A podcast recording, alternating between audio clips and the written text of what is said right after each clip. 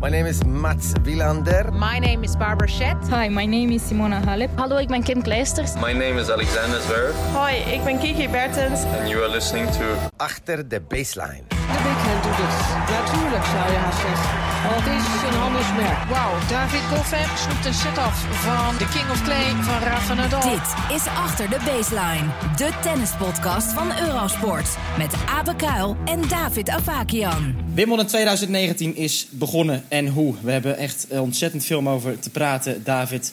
Ehm, als eerste moet jij natuurlijk even vertellen, waar ben jij nu op dit moment? Want ik zie hele bijzondere beelden, alsof je ergens in, het in een weiland zit bij een sloot of zo. Eh, Nee, ja, ik, ik dacht ik ga een keer outdoor zitten. Niet elke keer in zo'n rustig kamertje, maar een keer in de open lucht. En er is hier een prachtige gelegenheid op het dak van eh, de Broadcast Center. Dat heet, eh, ja, ja, heet gewoon letterlijk de Broadcast Roof. Garden, geloof ik ook nog. Eh, en hier zo staan allerlei installaties eh, ja, voor camera-interviews en dergelijke. Maar het, het is een heerlijke eh, plek om dit te doen. En ik zie op, op een kleine afstand van mij ook collega's podcasts opnemen. Dus ik ben niet de enige die deze plek heeft uitgekozen. Nou, ik zal wel even een foto straks op ons Twitter-account, het ADB Podcast, gooien. Want dit is wel een grappig gezicht zo.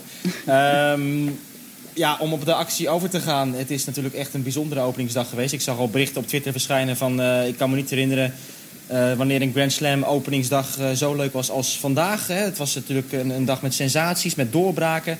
En laten we maar gelijk beginnen met de wedstrijd... waar iedereen natuurlijk van tevoren al naar uitkijkt. Het affiche van alle eerste ronde partijen. De confrontatie tussen Corey Goff en Venus Williams. Het gigantische leeftijdsverschil. Het, eh, ja, het overgeven van het stokje zou het misschien ook wel zijn natuurlijk. Hè, symbolisch als, als Goff goed voor de dag zou komen tegen Venus Williams. Nou, dat is daadwerkelijk gebeurd, David. Ja, we, we beschouwden het inderdaad eh, voor. Hè. De jongste tegen de oudste. Eh, fysiek lijken ze op elkaar. Qua geschiedenis lijken ze, hebben ze overeenkomsten.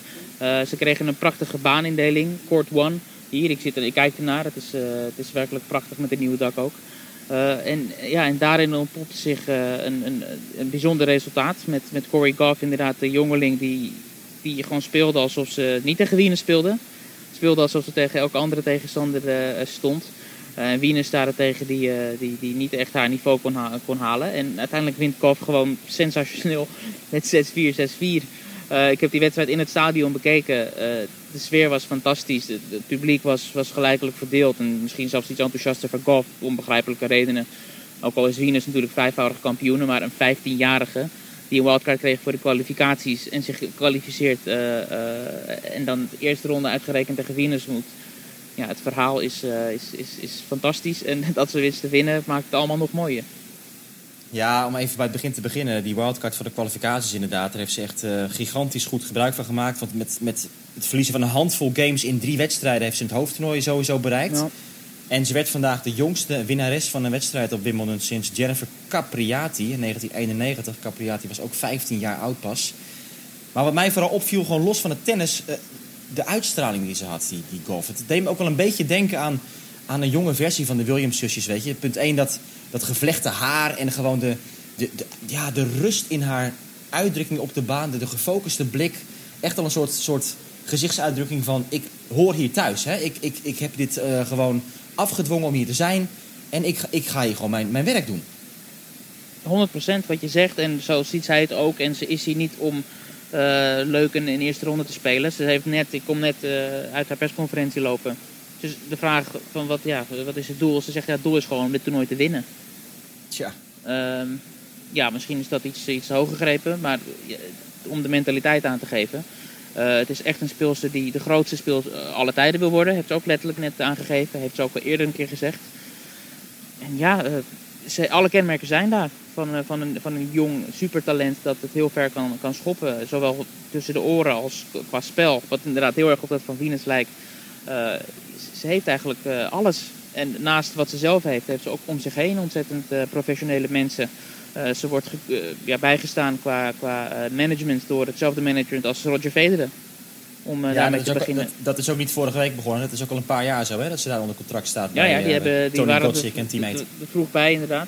Eh, en ook wordt ze gesteund door, eh, door ja, het hele team van Patrick eh Muratoglu, ook de coach van Serena Williams. En, en die familie is ontzettend verstandig bezig met haar. Dus ja, als er niks raars gebeurt. Oh, ogenblik. Oh, er wordt aangekondigd dat, dat het park dicht gaat, excuus. Ehm, dus ja, alles klopt, nogmaals. Ja, vergeet ook niet al je spullen mee te nemen straks, David. Dat wordt ook gezegd, hoor. Ja. Het is nu eh, kwart over negen bij jou, hè, in de avond. Ja, ja. En ehm, ja, de wedstrijden waren op zich allemaal op tijd afgelopen vandaag voordat het donker werd. En nu moet iedereen dus blijkbaar het park af. Ja. Ehm, Nog een observatie van Ja. mij. Ja, bij Corey Goff, die wedstrijd zat ik dus te kijken. En iets viel mij op waar wij het later misschien nog wat dieper eh, op in zullen gaan. Is hoe ontzettend, ontzettend traag de baan speelt. Venus kwam er gewoon op geen enkele manier doorheen. Dus heel Nee. Nee, nee, dat, ehm, ja, daar kunnen we straks nog even op terugkomen inderdaad. Ik wil nog even inhaken op ook, eh, wat jij nu net zegt over die persconferentie van Corey Goff. Dus ook daar lijkt zij in principe op de Williams-zusjes. Al, al die uitspraken doen van, goh, ik kom hier om het toernooi te winnen. En ik wil de grootste aller tijden worden. Ja, dat, dat kennen we natuurlijk wel een beetje van, eh, van de Williams. Toen ook zij opkwamen, al heel jong waren ze helemaal zelfverzekerd van hun eigen kunnen. Dus ehm, nou ja, wie weet. Het is, ik, moet ook een beetje denken aan, aan Federer Sampras nu, weet je wel. Dat, eh, natuurlijk toen, toen Federer van Sampras won... en dat dat ook een soort overname was van, van de troon. Nou is Serena natuurlijk nog, eh, nog vaker de beste geweest dan Venus. Maar goed, het eh, kan natuurlijk makkelijk zo zijn... dat we over twintig jaar nog terugdenken... als de carrière van Corey Goff erop zit... en we misschien gaan kijken tegen wie zij allemaal heeft gespeeld in een loopbaan. Ja, zoals we nu soms met Serena nog doen. Goh, die heeft tegen Steffi Graaf nog gespeeld en dat soort zaken. Dat je dat misschien nog wel terug gaat halen dan...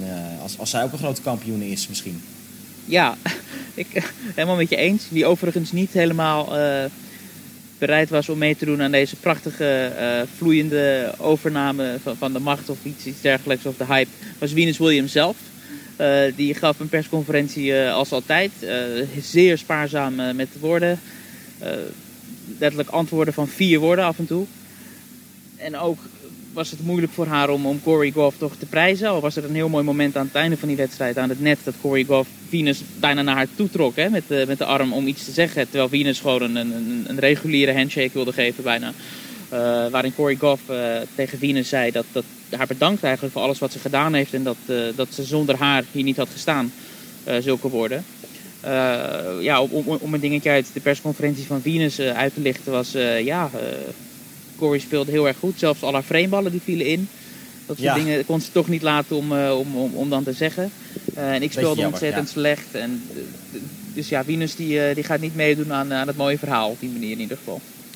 Venus heeft ook gezegd dat ze volgend jaar terug wil zijn. Hè? Dan zou ze 40 jaar zijn. Dus dan had het die ambitie om, eh, om volle bak door te blijven spelen. Zeker. Eh, met ook het oog uiteraard nog op de Olympische Spelen in Tokio. Maar ehm, ja, we moeten door, David, want het loopt nu alweer uit de hand. En we hebben pas één wedstrijd gehad. Er is zoveel gebeurd. De verrassingen bij de vrouwen. Ja, dan komen we natuurlijk al gelijk uit bij Naomi Osaka. De nummer 2 geplaatst was zij. En zij heeft weer verloren van Julia Putintseva. Net als een paar weken geleden in Birmingham. Het gebeurde ook vorig jaar trouwens in Hobart. Ze hebben nu drie keer tegen elkaar gespeeld. En nooit heeft Osaka een set gewonnen. Nee, en waar ligt het aan? Het ligt eraan dat uh, er ontzettend goed in slaagt om haar in ongemakkelijke situaties te brengen. Wordt letterlijk ook gezegd. Osaka gaf aan ook dat uh, ja, de reden is dat ze zo goed uh, met gevarieerd spel speelt. En, en, en, met slice en met hoog en met hard en met zacht. En ja, dat, dat zit haar kennelijk ontzettend dwars. Nou, en, en de slice backhand ook gewoon. En dat is Ja. iets... eh, ik, heb, ik deed zelf de commentaar bij die wedstrijd. En ik heb ook Osaka zien spelen in Birmingham. Eh, deed ik verslag bij de partij tegen Maria Sakkari. En die coach kwam toen af en toe de baan op. En die zei ook van gebruik die slice backhand tegen Naomi. Want daar heeft ze gewoon heel veel moeite mee. Oké, jij bent zelf ook niet iemand die heel graag een slice speelt. Maar elke keer als Sakari dat deed, zag je Osaka, die gaat gewoon lopen knoeien. Die, die snapt het allemaal niet zo goed. En dat zag je nu ook met, uh, met. Ja, die, die ging gewoon op, op degelijkheid spelen. Hè? Die, ja, die kan zich echt vastbijten in een partij natuurlijk. En je zag ook gewoon met die slice backhand... Ja, Osaka kan daar niets op afdwingen, gek genoeg. Nee, ze kwam er niet doorheen. Gewoon, letterlijk. Uh, ze probeerde het, ze deed, ze deed ontzettend haar best. En de eerste set was op zich best goed. Uh, ze hoog is. Ze kwam 3-1 voor? Ja, 71% eerste servicepercentage. Ja, goed, ook daar viel het mij op dat die baan uh, aan de trage kant is dit jaar. Uh, ja, maar goed, Osaka die bezwijkt toch weer een beetje ook weer onder de druk, gaf ze aan. En dat werd helemaal duidelijk in de persconferentie die ze af moest breken. Er werden een aantal vragen gesteld waar, waarop ze heel kort antwoord gaf. Ze was nog in haar uh, normale tenniskleding waarmee ze ook de wedstrijd speelde. Dat is vrij ongebruikelijk. Ook Venus kwam op die manier naar de persconferentie. Maar normaal gesproken komen spelers gewoon na, uh, nadat ze de kleedkamer in zijn gegaan en gedoucht zijn. Uh, ja, en op een gegeven moment werd haar gevraagd of, of die nieuwe status van haar dan toch haar te zwaar valt. En toen uh, draaide ze om naar de, naar de mevrouw die de persconferentie leidde en zei: Mag ik weg? Want ik heb het gevoel dat ik in huilen uit ga barsten. En dat verzoek werd ingewilligd en ze liep weg en ze kwam niet meer terug. Uh, wat vooral voor de Japanse collega's erg vervelend was, want die, hebben, die kwamen niet toe aan hun, aan hun persconferentie. Dus het was al tijdens het Engelse gedeelte. Uh, en ja, het Japanse perscore is, is, is bijna het grootste hier. Dus ja, dat is voor hun een ontzettende ster natuurlijk. En het is een globale grootheid, uh, Osaka. Dus dat was opmerkelijk. Ja, dus dat was de, de grootste verrassing bij de vrouwen. Osaka, die natuurlijk op Roland Garros ook al worstelde met de druk en zo. Ze heeft ook uh, hier gezegd in de eerste persconferentie... Ja, dat ze ook, hè, dat heb gisteren verteld, uh, ook in de, in de podcast... dat ze toch een beetje een soort rol speelde van nummer 1 van de wereld zijn. En nou ja, moeilijk om dat uh, met haar persoonlijkheid te kunnen managen. Dus ja, dat is allemaal even een soort klap waarmee ze nu eigenlijk te maken krijgt. Hè, die twee slams op rij winnen, al die nieuwe sponsoren, et cetera. Um, dat, dat is toch iets wat nu eventjes Osaka ook mentaal dus in de problemen brengt. Andere verrassingen vandaag. Arina Sabalenka, zij heeft verloren van Magdalena Ribarikova. Die heeft uh, wel de halve finale van 2017 gehaald ook. Dus in dat opzicht is dat niet zo'n hele grote sensatie misschien. Marketa van Drosjeva, 16e geplaatst, verloor van Madison Brangle. Dat is wel een uh, gek resultaat op papier, toch? E enerzijds wel, anderzijds heeft Brangle hier uh, een jaar of twee geleden Petra Kvitova ook uitgeschakeld. En ik moest meteen terugdenken aan, aan de persconferentie die ik toen met Kvitova deed ook, of waar ik deel van uitmaakte. Waarop ik vroeg van, ja, wat is het nou met die Brangle? En toen was de conclusie een beetje dat ze te zacht slaat. dus dat je je ontzettend verslaat op, op die speelster. Dus het is opmerkelijk. Ook van Serena Williams ooit een keer gewonnen. Dus het is zo'n speelster die af en toe gewoon zo'n resultaat heeft. Ja, en ik heb begrepen dat Van Droosjev ook niet helemaal fit was. Uh, een ja. soort uh, kleine blessure opgelopen in de training. Jelena Ostapenko heeft vorig jaar de halve finale gehaald hier op Wimbledon. Zij heeft verloren van Xie Sui met ja, twee keer 6-2. Dus dat was wel een pittige uitslag. Ja, maar Xie staat wel hoger. Op, op, ja, op, op de, op, ze staat hoger qua ranking ook hè, op dit moment. Precies. Uh, ja. Dus dat is ook weer iets wat we zagen aankomen, denk ik ook. Die, die matchup, hè, zij kan dat ontregelen. Nou ja, uh, veel punten gaat Ostapenko verliezen. Die gaat wegzakken uit de top 75, zag ik Zo. ergens. Dat is wel ja. een flinke klapper die zij gaat maken. Caroline Garcia won het toernooi van Nottingham. Zij was hier als 23ste geplaatst. Zij moest buigen voor Zhang Shuai uit China. En dat zijn de vijf geplaatste speelsters dan bij elkaar die vandaag hebben verloren. Wie wel door zijn Carolina Pliskova en Simona Halep. Ja, dat zijn de, de andere grote namen daar in dat deel van het speelschema. Ja, het was uh, bij Pliskova nog wel even spannend. Die had wel wat last uh, van uh, Ju. Ik ben even de naam kwijt. Ja, Lin, Lin. Ju, ja. Uh, maar ja, uiteindelijk repareerden ze dat en is ze door naar de tweede ronde. En misschien dat dat dan uh, die zenuwen er toch een beetje zijn die ze hier altijd voelt. Simone Halep had nog een leuke quote, want zij moest wedstrijd nummer 1 spelen op het uh, nieuwe baan 1. Met het nieuwe dak natuurlijk. En ze moest terugdenken aan de US Open vorig jaar. Daar moest ze ook de openingspartij spelen in het nieuwe Louis Armstrong Stadium. Nou, dat wordt één grote deceptie voor Simone Halep. Want daar verloor ze toen van Kaya Kanepi. Toen was ze nummer 1 van de wereld. Dat was een uh, sensatie. En Halep zei ook van, nou, toen ik dit zag, toen uh, werd ik toch een beetje ongerust. Uh, dat ik dus weer op zo'n nieuwe baan moest gaan spelen hier. Maar dat heeft ze kunnen loslaten. Ze heeft van die baan kunnen genieten. Ze zei ook van, ja, het was allemaal prachtig om daar te kunnen spelen. Dus Simone Halep als zevende geplaatst. Wat wel een beetje een raar gezicht is. Ja. Zij is ook veilig door naar de volgende ronde. Wat hebben we dan nog meer? Ja, Eén belangrijk resultaat nog niet gemeld, David. Onze Diana Jastremska ja, ja, onze, jou wil ik eigenlijk oh, zeggen. Ja, want okay. als, als het zo doorgaat, dan ga ik ook een uh, favoriet kiezen. Uh, hè? Want uh, ja, Jastremska die heeft inderdaad gewonnen. oh, Twee mijn blaadje, ik zit hier op het dak, dus mijn aantekeningen ja. die vliegen nu de bloemen in. in. Ogenblik. Ja, ben ik weer. Nee, zij won van uh, Camila Giorgi met 2 keer 6-3. Ik heb even ingeschakeld voor een klein stukje van die wedstrijd. Dus zag gelijk een service game van Jastremska in één minuut voorbij komen. Een paar aces, een paar snelle winners voorbij. En wat mij dus opviel is dat, dat Jastremska, die, die slaat zo makkelijk... dat zij gewoon nog makkelijker die ballen wegslaat dan Camila Giorgi. Die toch een beetje bekend staat als uh, de ultieme hardhitter hè, in dat opzicht. De balbasher wilde jij zeggen, maar je slikt het in volgens mij.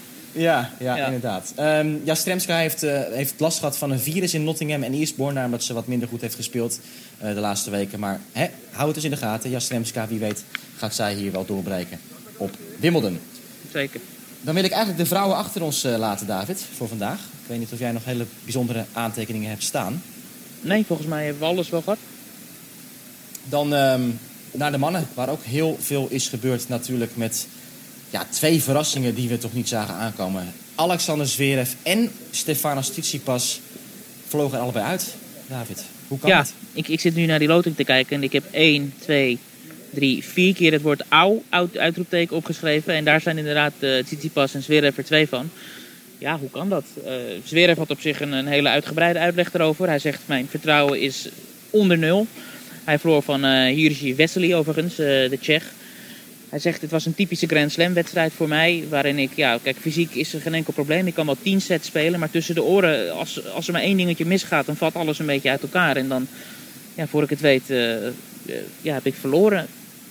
ja, ja, even ja. één dingetje. Vesely is natuurlijk een speler die wel ook het nodige kan. Die was een paar jaar geleden ook nog, ja, toch iemand waarover werd gesproken van... Hè, iemand die echt een rol in de subtop kan spelen, minimaal voor heel wat jaartjes, is flink weggezakt. Moest hij door de kwalificaties komen. Hij heeft nog van de Novak Djokovic gewoon een paar jaar geleden in Monte Carlo. Ja. Uh, die Rivesely, sterke speler. Maar goed, ja, het is natuurlijk een, een, een volgende deceptie van sferen van formaat in een Grand Slam toernooi. Eerste ronde nu eruit. Hij heeft nog steeds maar twee kwartfinales gehaald in de Grand Slams in zijn carrière. Beide keren was dat op Roland Garros. Maar jij zat nog uh, een beetje in je verhaal ook verder. Nou, ik wilde nog toevoegen dat kijk, Lendl is de coach van Zverev. En Lendl is natuurlijk ja, in dat team geroepen om, om dat ja, orde op zaken te stellen, wat, wat die Grand Slams aangaat. Maar ja, als hij nu teksten uitstaat als mijn vertrouwen is uh, onder nul op dit moment, uh, ja goed, daar zal Lendl toch ook uh, niet zoveel zin in hebben. Nee, dan uh, Stefanos Tsitsipas. Dat leek op papier gewoon een prima loting te zijn om het toernooi in te rollen. Tegen Thomas Fabiano, een 30-jarig Italiaan. Gek genoeg, of nou ja, zo gek is het misschien niet. Maar vorig jaar hebben ze ook tegen elkaar gespeeld op Wimbledon. Toen won Tsitsipas heel eenvoudig in de hij noemde, ronde. vandaag, uh, hij noemde het vandaag zijn beste wedstrijd ooit op gras. Die overwinning vorig jaar op Fabiano. Nou, en vandaag was de slechtste zeker dan, of niet? Oh, inderdaad. Hij zei, ik, ik heb geen idee hoe ik überhaupt vijf sets heb gespeeld. Het was zo slecht, dit had gewoon drie sets nederlaag voor mij moeten zijn. Uh, ja, hij was zoals altijd na een nederlaag ja, echt verslagen. Ja, hij had uh, weer moeite, moeite om zijn woorden te kiezen en uh, te zoeken. Het is altijd heel ongemakkelijk. En ja, dat gebeurde nu weer. De teleurstelling was enorm. Ja, en je, wat mij ook opviel is dat hij gewoon op de belangrijke punten het ook deels niet afweten. Zijn laatste twee service games in de vijfde set verloor hij. En beide keren sloeg hij een dubbele fout op, uh, op 30 gelijk. Um, en, en ja, het is gewoon... Nou ja, we hebben het gisteren al gezegd, het is ongepolijst. Er zitten gewoon nog echt gaten in zijn spel. Ook de returns zijn af en toe echt belabberd ja, bij, uh, bij Tsitsipas op gras. Ja. ja, dat echt gewoon simpele returns. Ik denk van, hoe kan je die bal nou missen? En dat gebeurt dan drie keer in een game. Hè, Fabiano is gewoon is een kleine, kleine man. Die is nou niet echt heel dwingend of zo verder. En toch uh, gebeurde dat regelmatig. Ja. hij zei de voorhand was ontzettend verbeterd ten opzichte van vorig jaar, van Fabiano. En over die returns had hij een hele leuke uitspraak. Uh, ja, zijn, zijn vriend en niet echt landgenoot, maar de Cypriot Marcos Bagdatis, met wie hij heel close is, die gaat zijn laatste toernooi hier spelen. En hij zei daarover, ik zou het zeer stellen dat als Bagdatis echt met pensioen gaat, dat hij zijn return aan mij wil overdragen, dat ik die in het vervolg kan gebruiken. Ja, nou, wie misschien ook iets wil overdragen aan uh, zijn uh, nieuwe pupil is Goran Ivanisevic. Want die werkt sinds kort samen met Novak Djokovic. Djokovic mocht vandaag natuurlijk het uh, bal openen op het centercourt. Met Ivanisevic in zijn box. En wat gebeurde er op het eerste punt? Drie keer raden, dubbele fout Djokovic. En hij werd ook gebroken in ja. de eerste game door, door Philip Koolschrijver. Djokovic won wel uiteindelijk in straight sets. En daar valt op zich niet heel veel meer uh, over te zeggen. Ik denk dat we daar snel um, in door kunnen gaan. Hij heeft trouwens al vaker tegen Koolschrijver gespeeld in de openingsronde hier. Dat was ook in 2015. Uh, Djokovic als titelverdediger heeft hij toch dus uh, redelijk soepel kunnen starten vandaag. Daar heb jij denk ik ook weinig aan toe te voegen, David. Ja, nee, enige leuk momentje eerder op de trainingsbanen liep ik... toen ik daarheen liep, zag ik Ivanisevic en Wesley, waar we het eerder over hadden, elkaar kruisen. En Wesley die had zijn vier maanden oude babytje op zijn borst gelopen. En Ivanisevic die zei, oh, uh, hoe oud is die? En uh, ik heb een, uh, een, kindje van negen maanden nu.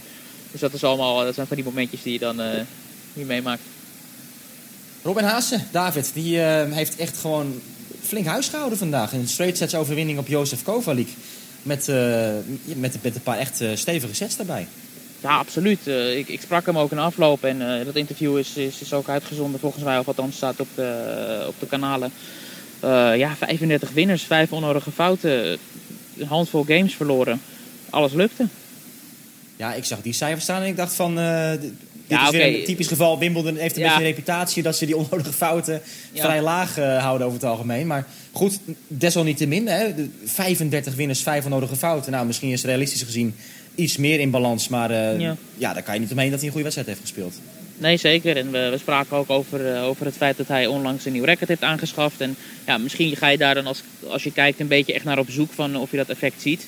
Ehm, nou, dat, dat weet ik niet. En, eh, en eh, hij kon het ook niet letterlijk zeggen. Wat hij er wel over zei was dat het hem wat meer ja, makkelijker laat slaan op een bepaalde manier. En ja, dat, dat lijkt me altijd goed nieuws als je, als je makkelijker een, een bal ergens kan krijgen waar je hem wil hebben.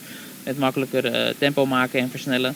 Dus dat is iets wat we gewoon gaan blijven volgen. Als, als de resultaten nu drastisch beter worden, dan is dat eh, een hele goede set van hem geweest. En ja, dan ga je toch eh, bedenken van waarom heb je dat niet eerder gedaan. Tja, eh, Milos Raonic, de volgende tegenstander van Robin Haase. Dat is iemand waar hij wel het nodige respect voor heeft. Zeker, ja, ook hem sprak ik een paar uurtjes geleden. En, en, en Robin die zei over hem dat ja, zijn service is voor mij de, de beste op de Tour. En dat hij echt gewoon, eh, ja, dan sta je met, met de mond vol tanden en weet je niet of hij links of rechts of waar die service heen gaat. Dus dat is eh, niet eh, geweldig nieuws. En ja, Raonic is natuurlijk een speler die hier op Wimbledon ja, een, waanzinnig verleden heeft. Met, met een finale plaats en bijna altijd wel de kwartfinale haalt. nog een halve finale ook.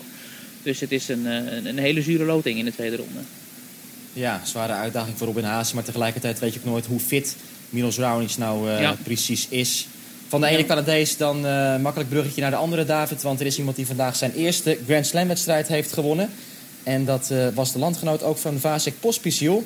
Natuurlijk hebben we het dan over Felix Auger Aliassime, 18 jaar pas. Ja, en de hype rondom die jongen is eigenlijk eh, al bijna buitenproportioneel. Hè? Ja, ja ik, ik vond het overdreven zelfs hoor. Dat er echt heel veel mensen die toch verstand van tennis hebben hem al tipten als een mogelijke winnaar hier. Ja, om iemand te tippen. Ja, maar, de, als- maar de, ja. de boek, bij de boekmakers ook. Hij staat, ik, ik zag iets dat hij bij bepaalde boekmakers als vijfde eh, geclasseerd staat voor de, voor de eindzege. Dat is, dat is toch waanzinnig? Ik vind het te gek voor woorden eigenlijk. Hij had nog nooit een Grand Slam wedstrijd Nee. gewonnen. Hij had er Nee, dat- eentje gespeeld maar. Die had hij niet eens uitgespeeld. Nee, exact. Dus ik, waar het vandaan komt ineens. Martina Navratilova, ook eh, eerder vandaag op tv, die zei eh, dat, dat, dat zij serieus rekening met hem houdt. Ja, weet je, waar is dat op gebaseerd? Ja, op, op, op wat goede resultaten eh, bij de, de reguliere toernooien. Maar ja, Nou ja, kijk, we, ja. moeten ook niet doen alsof hij de nummer 73 van de wereld is. Hij is natuurlijk gewoon al een top 20 eh, reekshoofd hier geworden. Met, met goede Ja. resultaten op de Tour. Diverse finales heeft hij al gespeeld op de diverse baansoorten. Eh, nou, vandaag won hij van zijn landgenoot Vasek Pospisil dan op eh, Canada Day. Dat is ook nog wel eh, toepasselijk. Ja. Ehm, ja, goed, eh, waar is het toch op, op gebaseerd? Om daar nog even verder op door te gaan. Het is ook gebaseerd denk ik op een feit dat hij al jaren wordt gehyped. Ook vanuit eh, de junioren al. Ja. En, ehm, en dat hij in principe natuurlijk tegen iedereen gewoon ook eh, goed voor de dag komt. Hè? Pas ook van Tsitsipas nog gewonnen. Ja, niet voor de eerste. Ook op New Wells dit jaar zo- won hij makkelijk van Tsitsipas. Dat is iemand die, die eigenlijk sinds de junioren al altijd de basis geweest. Hmm, maar ook Kyrgios is toch altijd een lastige klant. Waar ook al ja, is hij misschien niet in goede doen, moet je toch als jonge jongen daarmee om kunnen gaan met die capriolen van Kyrgios. Dat deed hij ook eh, heel erg goed. Eh, Dimitrov pakt hij ook. Misschien een mooi bruggetje trouwens, bedenk ik nu, om naar Dimitrov over te gaan. Ja. Dus ja, weet je, we gaan het in de gaten houden. Maar nogmaals, ik vind het iets te ver gaan. Kiko Dimitrov, het is toch echt wel een, een dieptepunt zo langzamerhand in zijn carrière waar hij op zit. Hè? Ja, 2-0 eh voorstaan tegen een jonge linkshandige opkomende eh, speler, eh Moutet, op baan 15 inderdaad. En ja, dan in vijf sets alsnog kunnen verliezen.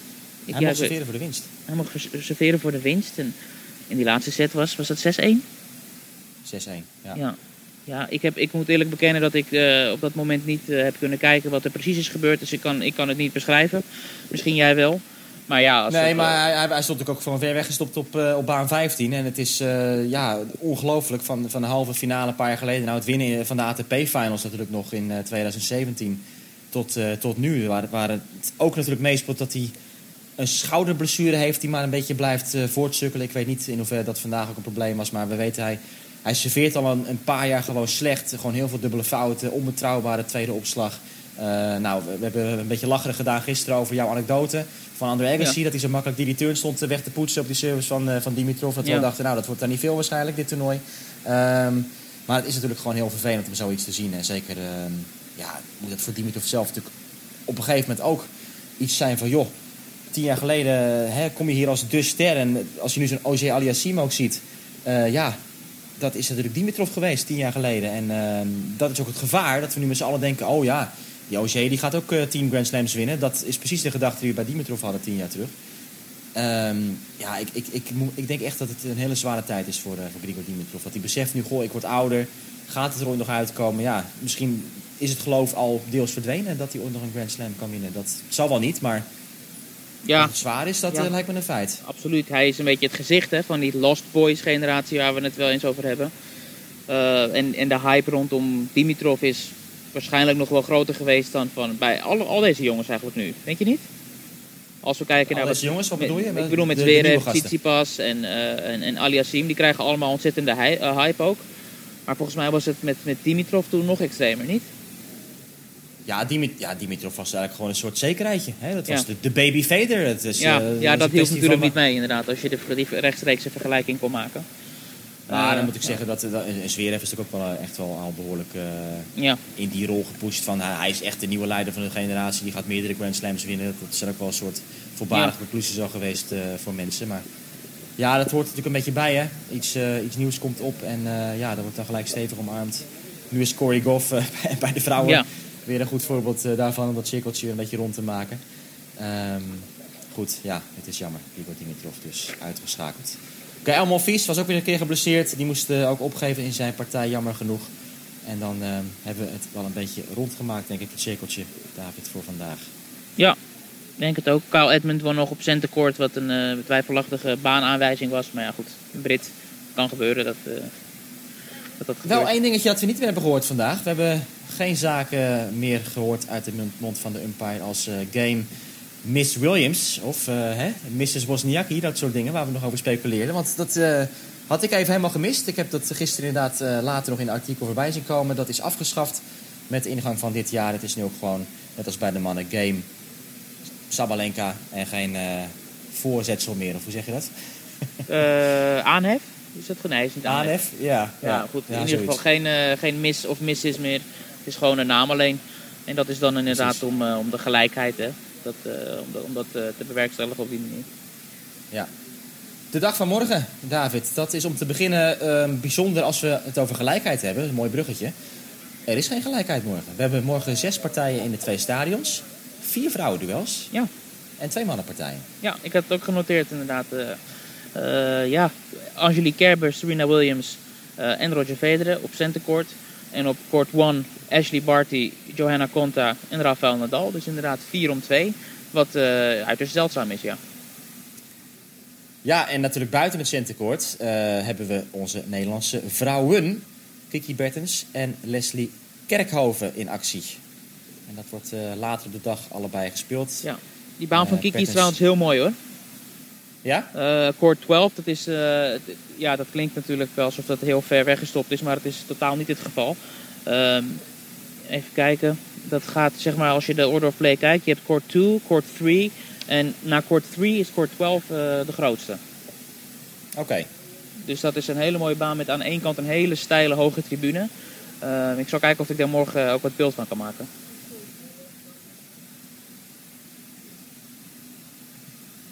Ja, je viel even weg, David. Dat hebben we ook eens met een, eh, met een verbinding tussen, eh, Ja, tussen Londen en, eh, en Nederland.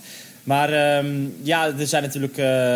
ja, Bertens is vierde geplaatst tegen Mandy Minella. Dus dat is een wedstrijd die ze wel zal moeten winnen. Die begint niet voor zeven uur Nederlandse tijd. Daar zullen we op Eurosport ook live bij zijn. Leslie Kerkhoven gaat proberen om na die kwalificatiereeks... die zo goed is doorgekomen, ook te winnen van Jorovic. Nou ja, dat is... een open wedstrijd misschien. Dat had natuurlijk veel slechter kunnen treffen. Dus dat is wel een kansrijke partij ook. Ja. En heb jij nog andere zaken waar je vooral naar uitkijkt morgen, David? Eh, ja, goed, op die grote banen die we net hebben genoemd natuurlijk. Ashley Barty nummer 1, die gaat spelen. Nadal gaat spelen, Federer gaat spelen. Dus al die grote namen in ieder geval. Maar daarnaast, eh, Maria Sharapova ben ik toch altijd erg eh, benieuwd naar. Die gaat op number 2 court spelen eh, als derde. Eh, verder, ja, misschien, eh, of ik weet niet waarop gebaseerd. Maar Bernard Tomic tegen eh, Tsonga. Die spreekt mij wel aan. Eh, die is, dat is de wedstrijd net voor Kiki. Kyrgios Thompson hè, is natuurlijk de leukste Ook. wedstrijd aan het begin van de dag. Want het is altijd interessant om te zien wat je mee gaat maken met Nick Kyrgios. En als hij wint, dan waarschijnlijk gaat hij spelen tegen Nadal in de Ja. tweede ronde. Dus dat is denk ik wel de wedstrijd waar iedereen zal naar gaan kijken aan het begin van de dag. Ja. Nee, ja, zoals je zo een beetje doorheen bladert, dan zijn er wel meerdere mooie banen, eh, wedstrijden op, eh, op de wat kleinere banen.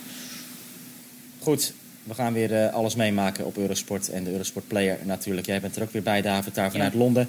We hebben ons mooi aan de tijd gehouden. Ik eh, tel exact een half uur zo'n beetje. Dus Oh. ehm, daar wordt onze producer heel erg gelukkig van. We gaan proberen om het volgens dit ritme vol te houden. Ik kreeg nog een, paar, vreemde, ik kreeg nog een paar, paar vreemde blikken. Eh, Oh, jee. ja, ik, ik, ik zag eh, Tracy Austin voorbij lopen. Die dacht, wie is die rare snuiter eh, die in die bloemen zit. En ook John McEnroe, die eh, bleef even stilstaan bij eh, dit aangezicht. Dus eh, ja, ik heb... eh, Misschien werden ze door de producer even op je afgestuurd. Van, eh, hè, het is tijd, eh, jongen. Ja, Ja, tijd ja. om af te ronden. exact. Dus eh, dat gaan we nu doen. Bedankt voor het luisteren naar deze eerste dagelijkse aflevering weer vanaf Wimbledon. Morgen zijn David en ik er weer om de dag door te spreken. Hopelijk met Nederlands succes van Kiki Bertens en Leslie Kerkhoven. Graag tot dan.